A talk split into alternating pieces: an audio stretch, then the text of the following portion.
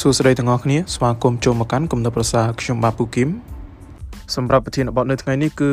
តើអ្នកជាមនុស្សបែបណា នៅពេលដែលមានកំហុសកើតឡើងដែលខ្ញុំបានដកស្រង់ចេញពីសៀវភៅ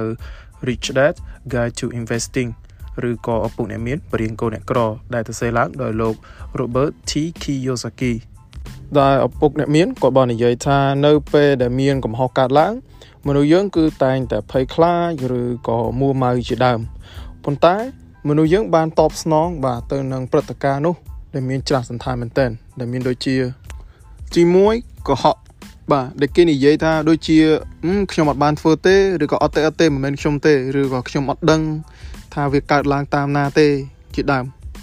ទី2ទម្លាក់កំហុសបាទដូចជានេះជាកំហុសរបស់អ្នកឯងមិនមែនជាកំហុសរបស់ខ្ញុំទេ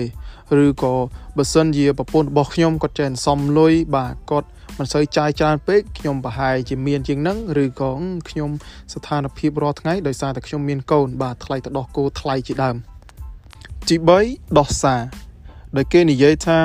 មកពីខ្ញុំរៀនមិនបានខ្ពស់ទៅប្រាក់ខែខ្ញុំវាមិនបានខ្ពស់ដូចគេឬក៏បើសិនជាខ្ញុំមានពេលច្រើនជាងហ្នឹងខ្ញុំនឹងអាចធ្វើវាបានហើយខ្ញុំមិនចង់មានទេគ្រាន់តែមានសេចក្តីសុខទៅវាបានហើយបាទទី4ឈប់ពាក់កណ្ដាលទី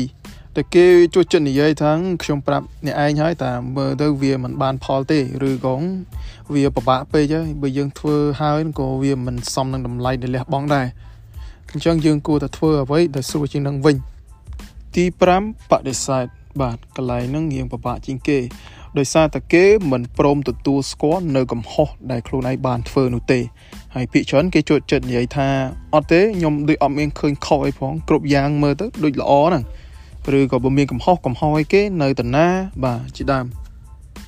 ទី6មានទំនួលខុសត្រូវដោយពួកគេបាទជាក្រុមមនុស្សដែលព្រមទទួលខុសត្រូវនៅកំហុសដែលបានកើតឡើង ហើយភាគច្រើនពួកគេតែងតែនិយាយថាហឹមថ្ងៃក្រោយខ្ញុំនឹងឈប់ធ្វើវាទៀតហើយប៉ុន្តែយើងអាចបង្កើតនៅសំណួរដែលល្អជាងនេះ ដោយសួរថាតើមេរៀនអ្វីដែលយើងបានរៀនពីកំហុសនេះ បាទជិះជាងឲ្យយើង ថ្ងៃក្រោយកុំធ្វើទៀតយើងអាចរកមេរៀនឬក៏បទពិសោធន៍ណាមួយក៏បានដែរអំពីកំហុសនេះ ដើម្បីថ្ងៃក្រោយ